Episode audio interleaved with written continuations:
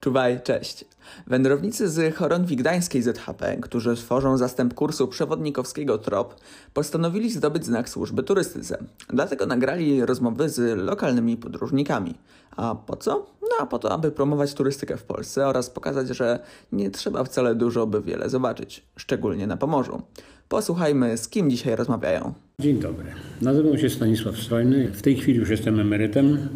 Byłem kilkunastoletnim, chyba najdłużej, w historii naszego klubu, Klubu Turystów Pieszych Bąbelki, który jest przy oddziale gdańskim PTTK.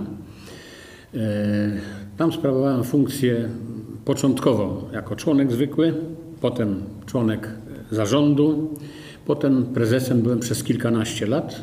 Ja właściwie zacząłem późno zabawę w turystykę, bo dopiero po wojsku, czyli jak już miałem 25 lat. Do tego się tak zapaliłem, że całe moje pozostałe lata, bez względu na to, co się działo u mnie prywatnie, czyli ja ożeniłem się, dzieci miałem, ale to mi absolutnie nie przeszkadzało w tym, żeby turystykę uprawiać. Uprawiałem ją w trzech formach, nawet w czterech, bo turystykę pieszą, nizinną, turystykę pieszą górską, turystykę kajakową i turystykę rowerową. W tych czterech dyscyplinach starałem się co roku jakoś tam obdzielić. No trochę było problemów, ponieważ jak pracowałem, to wiadomo, że trzeba ten urlop było dzielić na kawałki, żeby tutaj trochę, tam trochę kombinować właśnie tak jak to dzisiaj ludzie też kombinują, że jak tam jakiś czwartek Boże Ciało, to w piątek trzeba wziąć urlop, wtedy od czwartku do niedzieli i takie kombinacje. W tej chwili już tego problemu nie mam, ale no, problem wieku się nałożył na to. Niemniej jednak no, ta turystyka, którą początkowo uprawiałem jako zwykły turysta, no, zaczęła trochę we mnie wzbudzać jakieś takie emocje, chęć, no, że tak powiem, pokazania się, więc postanowiłem zostać przodownikiem. I w tych trzech dyscyplinach, w trzech, nie w górskiej, ale pieszej, nizinnej, rowerowej i kajakowej, mm, zrobiłem uprawnienia przodownika. Przodownika turystyki pieszej, przodownika turystyki kajakowej i przodownika turystyki kolarskiej. I w tych trzech dyscyplinach się, że tak powiem, mieszam. Co roku gdzieś wyjeżdżam, a to pieszą jakąś imprezę, a to jakąś tam rowerową czy kajakową. No tak, no to już tak Pan mniej więcej nam opowiedział, e, jak wyglądała ta turystyka, jak wyglądały jej początki. Tak. Ale chciałam wiedzieć, czym jest dla Pana turystyka i podróżowanie ogólnie. Proszę Panią, tutaj się wiele mówi na temat y, patriotyzmu. Mój patriotyzm się właśnie sprowadzał do tego, że należy swój kraj poznawać jak najlepiej, jak najbardziej. To też wszystkie te imprezy, jakie ja, w jakich ja uczestniczyłem, jakie ja organizowałem, bo ja zresztą byłem też i organizatorem bardzo wielu imprez, staraliśmy się, żeby w tych, podczas tych imprez było coś ciekawego do obejrzenia. Nie chodzenie dla samego chodzenia, nie jechanie na rowerze dla samej jazdy i tak samo nie płynięcie kajakiem, żeby tylko przepłynąć i a, w porządku jest, zwijamy kajaki i jedziemy do domu.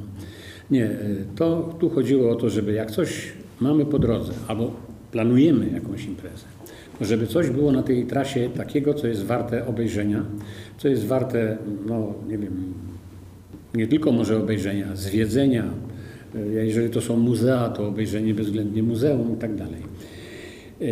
Powiem szczerze, że inspiracją do niektórych takich imprez było zdobywanie odznak. PTTK, do którego ja należę, PTTK to jest Polskie Towarzystwo Turystyczno-Krajoznawcze, ta ścisłości, prowadzi szereg, że tak powiem, różnego rodzaju odznak. Już pomijając to, że poszczególne oddziały miejskie, wojewódzkie i tak też mają swoje systemy odznak. Tak jak zresztą Gdański Oddział też ma Miłośnika Gdańska, oznakę krajoznawczą ziemi gdańskiej, Miłośnika Gdyni. To są takie odznaki tutejsze. Jeszcze odznaka Żółtego Szlaku. No i tam jeszcze kilka innych jest jeszcze odznak. Te oznaki są inspiracją. One już precyzują, że tak powiem, co należy w danym regionie czy w danym terenie warto zobaczyć, żeby taką oznakę zdobyć. Można powiedzieć, że to, to głupota, że to tam znaczek. Pod takim znaczkiem kryje się naprawdę bardzo wiele, bardzo wiele i bardzo ciekawych rzeczy do obejrzenia. To są obiekty historyczne, architektoniczne, to są pałace, dwory, kościoły, zamki, przyrodnicze, to są rezerwaty, to są parki narodowe I nawet współczesne obiekty, na przykład jakieś tam, na przykład y, zapory, jakieś ujęcia wody, też są ciekawe, są historyczne. Przecież tutaj u nas na naszych rzekach tutaj różnego rodzaju jazy, obiekty takie hydrotechniczne, które, dla których też jest ustanowiona odznaka. Także ja tymi odznakami się kierując y, obejrzałem kawał Polski. Przejechałem na rowerze dookoła Polski, zgodnie z regulaminem, bo jest też taka odznaka. Przejechałem całą Polskę dookoła. Y, prze, przejechałem na rowerze od źródeł Wisły do samego Gdańska, też cały czas na rowerze. Y, przejechałem, znaczy zdobyłem koronę gór polskich. Wprawdzie nie jestem przodownikiem, ale góry mnie też inspirowały do wielu wycieczek. Zdobyłem koronę gór polskich, czyli wszystkie 28 szczytów, które są w regulaminie tej odznaki. Także jak, jak Pani słyszycie, y, regulaminy odznak prowokowały mnie do tego, że jak jadę w jakiś dany region, to sobie zajrzałem do internetu, zobaczyłem, co oni tam oferują. Ja w tym rejonie, gdzie ja będę, na przykład województwo opolskie, była oznaka dookoła województwa opolskiego. Zabrałem grupę tutaj od nas, zachęciłem ich, powiedziałem, co będziemy mogli zobaczyć. Przepiękna impreza, w dwóch czy w trzech nawet podejściach zrobiliśmy całe województwo opolskie. Tam była odznaka szlakiem kościołów drewnianych. Multum tego tam jest, bardzo dużo. Piękne kościoły, niektóre niezwykle ładne. Potem była e, w ramach tego objazdu dookoła, były pałace, były dwory, były kościoły. Cała masa takich obiektów, że potem za każdym razem, jak jechaliśmy, bo już trzecim razem to już była największa grupa, bo rozeszło się wici, że to są takie ciekawe obiekty, że trzeba było, no z tym, że w tamtym czasie jak ja jeździłem, to jeszcze nie było problemów z przewozem rowerów. Teraz jest niestety gorzej, bo jak się teraz chce wybrać grupą dziesięcioosobową, to często nie można dojechać, ponieważ pociągi nie, nie, oferują tylu miejsc dla rowerów. Dla nas, dla ludzi tak, ale rowerów już może być czasami pięć, czasami cztery i koniec. Więc trzeba jechać na raty albo kilkoma pociągami zjeździmy. Tak się nam już zdarzało. Bo nie ostatecznie nie tylko my istniejemy, są jeszcze inni turyści, którzy też chcą tam dojechać, też z rowerami. I tak to, i tak to wygląda. Także ja tą Polskę, to mogę powiedzieć, w odznakach, gdybym się chciał wykazać, to by tutaj zabrakło tych stołów, gdybym miały tutaj wyłożyć. To jakie miejsca poleca Pan e, do zwiedzania w Polsce i ogólnie? E, proszę Pani, ja bym, jeżeli mówimy o tym, żeby rozpocząć zabawę w turystykę, nie trzeba wcale daleko jechać. U nas na Wybrzeżu jest kilka takich miejsc wartych obejrzenia. Na przykład mój kolega w komisji kolarskiej ustanowił taką oznakę, oznakę szlakiem dworów i pałaców północnych Kaszub. Tam jest tych, tych obiektów, ma nie chyba ze 20, 20 parę. Można wsiąść na rower i to w ciągu dwóch, trzech dni te wszystkie obiekty obejrzeć. Naprawdę niektóre są bardzo ładne, niektóre w tej chwili funkcjonują jako hotele, jako, jako restauracje, yy, jako takie obiekty użyteczności publicznej. Więc warto sobie przejechać tutaj, bo to nie jest wcale daleko. Wystarczy pojechać do Wejherowa z rowerem, w Wejherowie ruszyć w stronę Choczewa. Jak się zobaczy mapkę, to obejmuje wszystkie te dworki, pałacyki. Piękna rzecz, można bardzo łatwo to obejrzeć. To jest, mówię, zacząć można od nas. Jeżeli ktoś się chce bawić w turystykę pieszą, polecam żółty szlak. Też ma odznakę, przy okazji. Nie, nie, to się nie musi zdobywać tej oznaki. Można tylko się kierować regulaminem. Ja tylko tak mówię, że to jest tylko tak na osłodę. Aha, no to jak już sobie to zrobiłem, to wykupię sobie oznakę. Przesyła się książeczkę do weryfikacji, zweryfikują, oznakę przyznają, ma człowiek taki znaczek. To znaczy, ja, ja mówię, że ja się inspirowałem i te znaczki wykupywałem. Natomiast są ludzie, którzy ze mną jeździli, którzy uczestniczyli w tych imprezach, ale wcale się tym znaczkiem nie interesowali, ponieważ ich interesowało to, co obejrzeli. Jeżeli chodzi o kraj, proszę Pani, trudno jest powiedzieć, gdzie jest najfajniej. Ja sobie taką mapę mam w domu, sobie zaznaczałem na tej mapie, gdzie jeździłem na rowerze na przykład. To mam pewne miejsca, gdzie jest zagęszczenie duże, a są miejsca, które są jasne plamy. Choćby z tego względu, że jest może mniej atrakcyjne tereny, bo są takie, no niestety są tereny mniej atrakcyjne, jakieś tam Ameryki w województwie mazowieckim, na przykład nie, niewiele, powiem szczerze, być może to jest moje tylko osobiste podejście do tego, że tam jest mniej. Natomiast Dolny Śląsk, Niesamowita ilość obiektów, które tam no po prostu wioska za wioską, to jest coś. Jak ja bym Panią pokazał mapę, jak wygląda mapa zabytków i obiektów do obejrzenia w województwie y, dolnośląskim, to to jest piktogram jeden obok drugiego. Wioska przy wiosce, miejscowość przy miejscowości.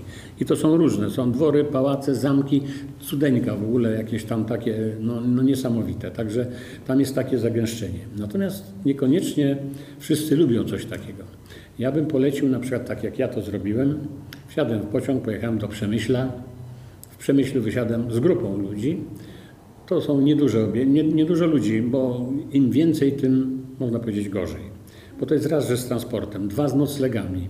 E, To są pewne kłopoty. A czwórka, szóstka to jest taka dosyć mobilna, operatywna i w taką właśnie grupą jechałem z Przemyśla do Białego Stoku. Wyjątkowa trasa. Naprawdę y, tam nie, ma, e, tam nie ma zbyt wielu turystów. Tam można korzystać z tej trasy y, Green Velo, jeżeli Panie słyszały czy o czymś takim. Jest to taka trasa, która prowadzi z Kielc do Elbląga, mm, rowerowa, właśnie ścianą wschodnią.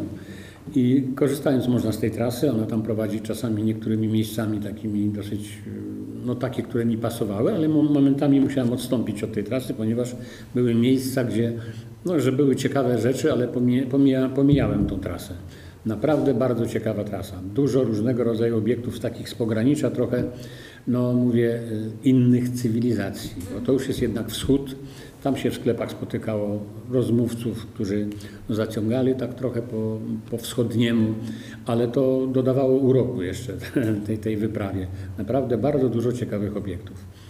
Przejechałem trasę z Krakowa do Przemyśla, bo to takim ciągiem robiłem.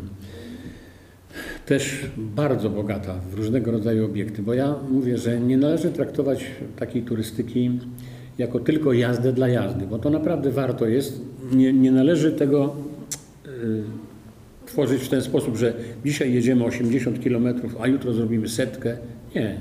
Jak się zrobi setkę, to się nic nie zobaczy po drodze, albo się niewiele zobaczy. Ponieważ 100 km wymaga jednak ym, no raz, że solidnej kondycji, to trzeba wcześniej wstać, to te 100 km rozłożyć na dzień, to niewiele czasu zostaje na, bo to musi być jakaś przerwa na obiadowa, muszą być jakieś przerwy na odpoczynek, to to wszystko zajmuje czas i naprawdę nie, nie bardzo jest wiele czasu na to, żeby obejrzeć. Muzea to w ogóle odpadają w takiej sytuacji. Jeżeli się planuje taką wycieczkę, a ja planowałem ich bardzo wiele, to jeżeli była jakaś miejscowość i warto było takie muzeum zobaczyć, podejrzewam, że warto wszystkie obejrzeć, ale jeżeli było szczególne jakieś muzeum, to faktycznie musieliśmy przeznaczyć na to tam dwie godziny postoju w mieście, czy tam trzy i jedziemy dalej. Jeździliśmy po 40-50 kilometrów i, tak, i taki kilometraż ja robię, ponieważ w moich 40 kilometrach to się mieści jeszcze parę godzin różnego rodzaju zwiedzania i oglądania. E, No to czy, tak mówi Pan, że Pan nie jeździł i zwiedzał, Tak. to czy ma Pan jakieś miejsca, muzea, jakieś y, zabytki, które po prostu zachwyciły Pana i mam, chce Pan jakby powiedzieć im, żeby proszę też je zobaczyli?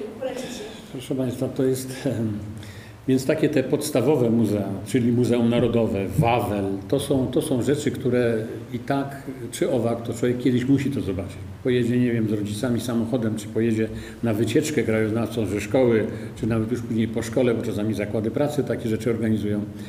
Proszę Państwa, jest cała masa różnego rodzaju y, muzeów małych, zupełnie y, y, nieznanych ogółowi.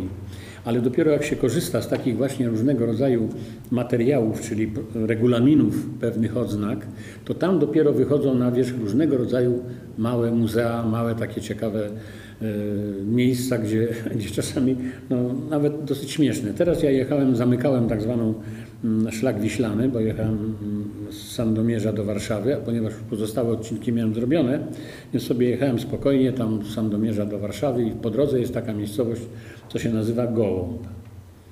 Ja może w tej chwili reklamę robię temu, temu muzeum, ale jest to muzeum, prywatne muzeum pewnego pana, który gromadzi, to jest, ja jechałem na rowerze, więc tym bardziej w regulaminie było powiedziane, że należy uzyskać potwierdzenie właśnie w tym muzeum rowerowym. Chociaż w Gołębiu jest bardzo ładny kościół, e, który należy zwiedzić, bo to jest e, naprawdę wysokiej klasy zabytek. No, w każdym razie e, do tego muzeum zajechałem. Ten pan potrafi godzinami na temat rowerów nawijać.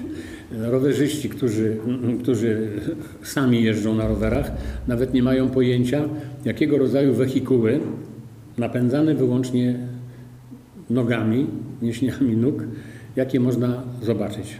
Musiałem niestety po dwóch godzinach wysłuchiwania musiałem opuścić, ponieważ już zbliżała pora, że ja musiałem się stawić jeszcze za kilkanaście kilometrów na noclegu. Także no, na przykład takie małe muzea. Jeździ się, no więc trudno mi w tej chwili tak nagle stanąć i zastanowić się, które to muzeum było lepsze od kolejnego. Ale takie muzea są naprawdę bardzo atrakcyjne, jeżeli człowiek je na trasie spotyka nagle jest to niespodzianka, która jest bardzo miłą niespodzianką. Wspomniał Pan o tych miejscach, które każdy musi odwiedzić. E, takich, e, które... Klasycznych Tak, wręcz. klasycznych takich placówkach, które i tak odwiedzimy. To e, w takich, czy zna Pan jakieś, e, w takich miejscach, jak w takich miastach jak Kraków czy Warszawa, e, gdzie mamy pozycje, które wręcz musimy odwiedzić, czy zna Pan miejsca, które są zapomniane, nieznane e, w okolicach tych właśnie znanych? Proszę Pani, ja w tej chwili już się nie bawię w te krajoznawcze, bo ja już je prawie wszystkie pozdobywałem. Tam, jeżeli gdzieś jeszcze jadę w jakiś region, a czegoś tam nie mam, to sobie odnotowuję, jadę i to zaliczam. Natomiast teraz zdobywam taką znakę ustanowioną przez Wolski Oddział PTTK w Warszawie. Skoro już o Warszawie mówimy, to się nazywa Polskie Naj. Czyli Polskie Naj. Co jest w Polsce Naj? Najstarsze, największe, najmniejsze, najwyżej położone, najniżej położone i wszelkie inne naj. I w Warszawie takich najów, że się tak wyrażę, jest cała masa. Najmniejszy dom, najkrótsza ulica, najwyższy obiekt, największy hotel. I tego typu te naje w Warszawie, on w Warszawie, bo to jest, mogę powiedzieć, kolega, pan Orlicz, to w Warszawie tego jest kilkadziesiąt takich obiektów. Zresztą rozsiane są po całej Polsce te wszystkie naje, bo to się zdobywa na całym, na całym terenie. U nas w Gdańsku naj to jest największy jarmark chociażby. To zostało uzupełnione. Największy kościół, nasz mariacki kościół, największy żuraw portowy historyczny to jest nasz żuraw gdański. I tak można tutaj tych obiektów naj znaleźć w każdym niemalże mieście. W tych właśnie wielkich miastach są te właśnie takie naje albo to największa jakaś fontanna, a to najwyższa wieża kościelna, a to się okazuje w Pelplinie najwyższy ołtarz, e, na przykład w Gdańsku największy ołtarz e, bursztynowy, wiadomo, w kościele Brygidy. Są tego typu, tego typu obiekty, są właśnie takie małe, ale to na przykład w oparciu o ten, o ten regulamin tej oznaki polskie naj. To są takie ciekawostki. Czyli po prostu w poszukiwaniu ciekawych miejsc zwracamy się do szukania ich w odznakach Tak. PTTK. Polecam, dlatego że w tej chwili młodzież to bardzo łatwo sobie tam, że tak powiem, operuje y, komputerem. Wystarczy wejść w zarząd główny PTTK, tam są odznaki turystyczne. Kliknąć w to, pokazuje się całe multum różnych. Jak się wejdzie, na przykład jeżeli będzie ktoś zamierzał wyjechać gdzieś, y, coś zwiedzać w jakimś regionie, niech sobie kliknie na ten region, bo tam są województwami wymienione również.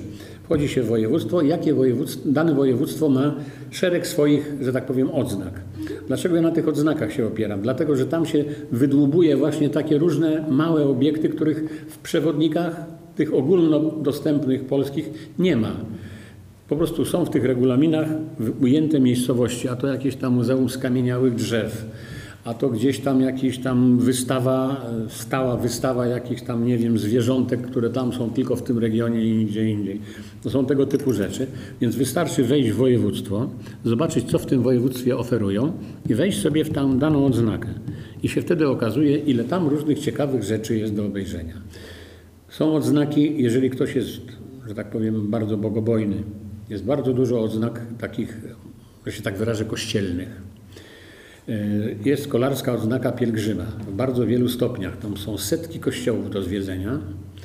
Y, To znaczy regulamin mówi, które są obowiązkowe, a które tylko jako uzupełnienie. Bo na przykład trzeba zdobyć 50 kościołów, z czego 15 obowiązkowych z regulaminu, to są kościół, na przykład tam Jasna Góra, kościół mariacki w Gdańsku, kościół y, na Wawelu. To są takie kościoły, jak to właśnie mówimy, te takie czołowe.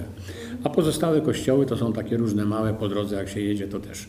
No i taka kolarska oznaka pielgrzyma. Potem wszystkich świętych, świętego Stanisława, świętego Floriana, świętego Jana Nepomucena i tak dalej. Jest takich odznak pełno. Jeżeli ktoś się poczuwa do takich y, wypadów właśnie takich bardziej świątobliwych, no to takie też można. Dużo i nadal Pan jeszcze podróżuje, więc Nadal zgaduję, że na pewno zna, zna Pan jakieś e, historie, jakieś wydarzenia, które jakby jakieś wspominki ze starych dziejów. E, No tak, stare dzieje to były zupełnie inne dzieje. E, Pani, ja teraz w tej chwili już e, mniej, ja jestem w tej chwili tylko honorowym prezesem klubu. Bywam na zebraniach, chociaż w tej chwili są ograniczone te zebrania, wiadomo z jakiego powodu. Natomiast e, uczestniczyłem od wielu, wielu lat, uczestniczyłem w tak zwanym imprezie turystycznej pieszej, tak zwany ogólnopolski wysoko kwalifikowany rajd pieszy. Co roku się odbywa w innym regionie Polski. Co roku przyjeżdżało na niego po kilkaset osób z całego kraju i uczestniczyliśmy w tych imprezach. Na danym, na przykład w tym roku było w województwie opolskim. I wszystko, baza była ze względu właśnie na tą epidemię, była baza w jednym miejscu tylko.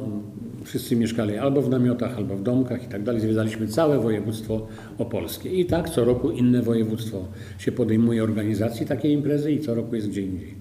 W tej chwili, proszę Pani, dla porównania, to ta wysoka kwalifikacja no, trochę się, że tak powiem, rozmija z nazwą, bo kwalifikacji wysokich to tam za wiele nie ma. Jeżeli ktoś mieszka w namiocie, to jeszcze sobie sam musi to zjedzenie zrobić, sobie ten namiot rozbić. Tych kilkanaście czy nawet kilkadziesiąt lat temu, jak ja jeździłem, trzeba było tachać na plecach, plecak z miejsca do miejsca.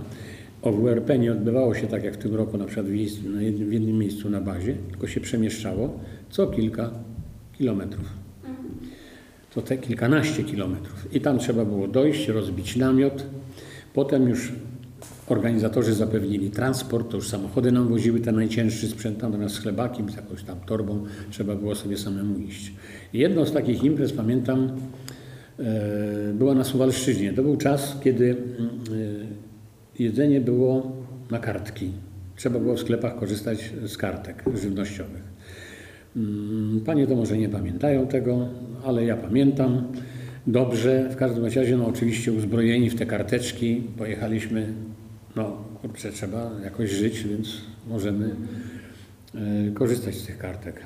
Okazało się, że no, no, myśmy byli już pełnoletnimi ludźmi, także mm, tutaj nie chcę, broń Boże, e, jakichś tam sugestii, że, że to są imprezy e, z niedozwolonym, że tak powiem, nabywaniem takich produktów, które się nie, nie, nie licują. No ale taka była sytuacja. Zajeżdżamy do, y, idziemy sobie pieszo w pewnej wiosce, y, zachodzimy do sklepu i pani nam mówi, że czy karteczki posiadamy. Oczywiście posiadamy karteczki, wyciągamy tutaj tu cukier, tu kasza, tu mąka i tak dalej.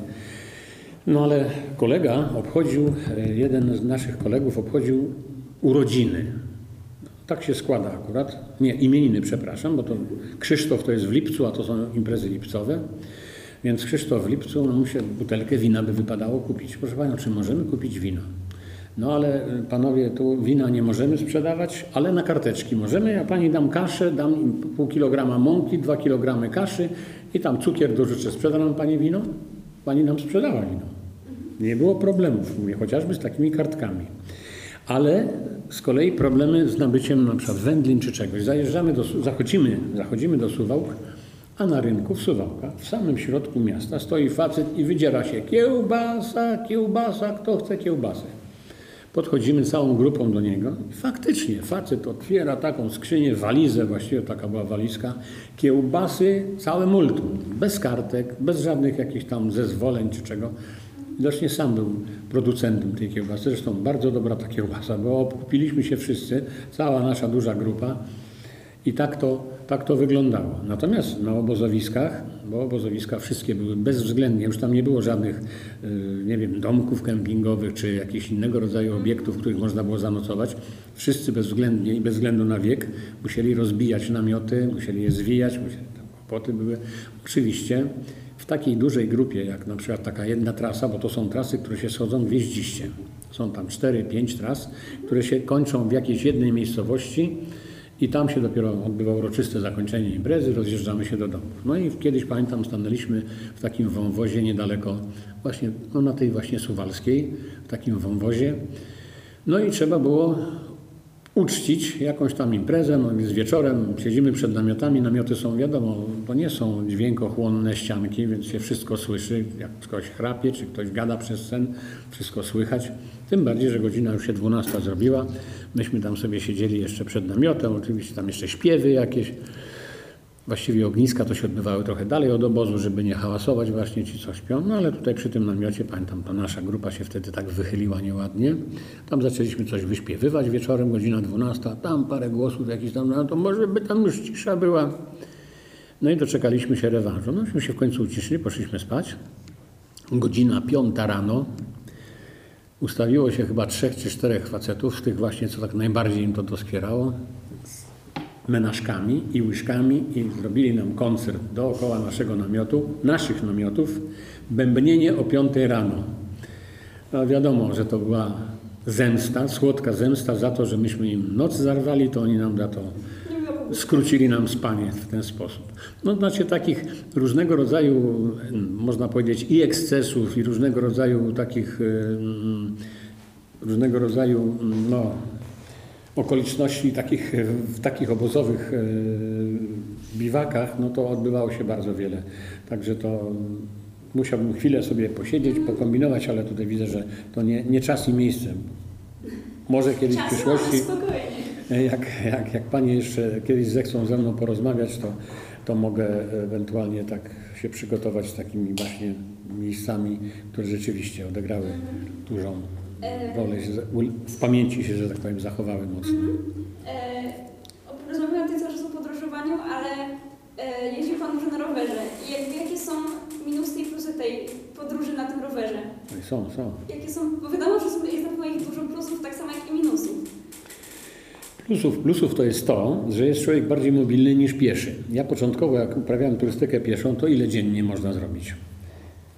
20-25 kilometrów, a jeżeli się idzie na jakąś taką imprezę wielodniową, to z tym plecakiem iść 20 kilometrów to nie jest to wcale sympatyczne, to jest raczej ciężka zabawa. E, natomiast jak się przesiadłem na rower, to tutaj już jest ulga. Tutaj już można pokonać te kilkadziesiąt kilometrów. Wiezie się wszystko w sakwach, jest to oczywiście lżej, nie ma, nie ma tego typu problemów. Ale natomiast wynikają inne problemy. W pieszej, no to ktoś, kto jest nieprzygotowany, to bezwzględnie. Dlaczego nasz klub się nazywa Bąbelki? Dlatego, że pierwszą wycieczkę, jaką żeśmy odbyli tutaj w okolicach Żarnowca, poszła grupa, która założyła właśnie ten klub i po prostu była na tyle nieprzygotowana, że miała złe obuwie i wszyscy mieli bąble na nogach. No i więc teraz jak się nazwać? Więc nazywali się a to Neptun, a to jakaś tam Mewa, różne takie nazwy tam przychodziły. Słuchajcie, my się nazwijmy bąble, bo przecież wszyscy mamy i to takie różne fioletowe, piękne, zielone nam się porobiły. I ta nazwa się, że tak powiem, przyjęła i się zachowała. Bąbelki. Trochę infantylnie to brzmi. Rodzice przychodzą czasami do nas, tam jak jest wycieczka, to myślą, że to jest dla bąbelków, czyli dla dzieciaków.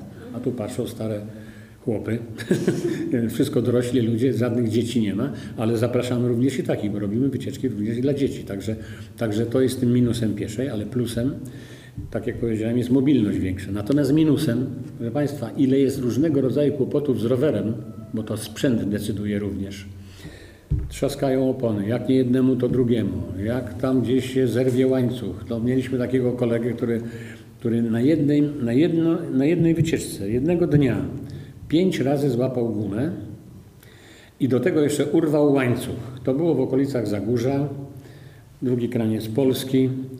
Okazało się, że miał tak zdartą oponę, łysą, jak to się mówi, łysą, pozbawioną protektora i na każdy jeden kamyczek najmniejszy przybijało mu tą oponę, i przebijało mu opony i tym samym dętkę i on co chwila pompował, co chwila. Dopiero zajechaliśmy do miejscowości, gdzie był sklep rowerowy, wymienił opony i skończyły się jego kłopoty. No, oczywiście dodatkową atrakcją dla nas, e, dla nas chłopaków to było to, że jak jechały z nami dziewczyny, a zawsze jechały jakieś dziewczyny z nami, to musieliśmy obsłużyć i swoje rowery, i rowery dziewczyn. Dziewczyna nie będzie pompowała, nie będzie wymieniała gumy, więc tutaj stop panowie, wszyscy odpoczywamy, rowerek zdejmujemy sakwy, rower na siodełko, na ten, do góry kołami, zdejmujemy i cała operacja. Wdzięczność dziewczyn była naprawdę prawdziwa. Wspomniał Pan o tym, że e, organizują Państwo też wycieczki dla dzieci. Tak. E, czyli, że ma Pan doświadczenie w e, przygotowywaniu podróży dla każdego wieku, więc jak przystosować tą podróż? Tą... To znaczy dla dzieci, jeżeli robimy coś dla dzieci, robimy tutaj lokalnie. Bez przesady, nie robimy takich imprez wyjazdowych, bo my nie jesteśmy biurem podróży, to jest raz, jesteśmy tylko przodownikami turystyki pieszej tutaj na miejscu i jeżeli taką wycieczkę mamy, to ją publikujemy na naszej stronie KTP Babelki. I tam jak się wejdzie, to jest oferta, co w tej chwili w najbliższym czasie będzie robione.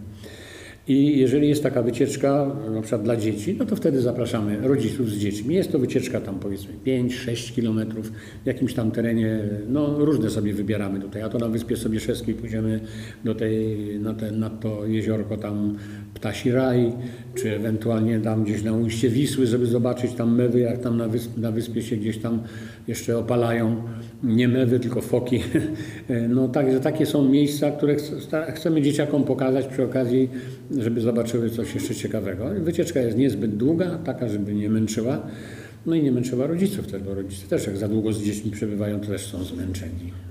No właśnie, ale tutaj dostosowujemy się do dzieci.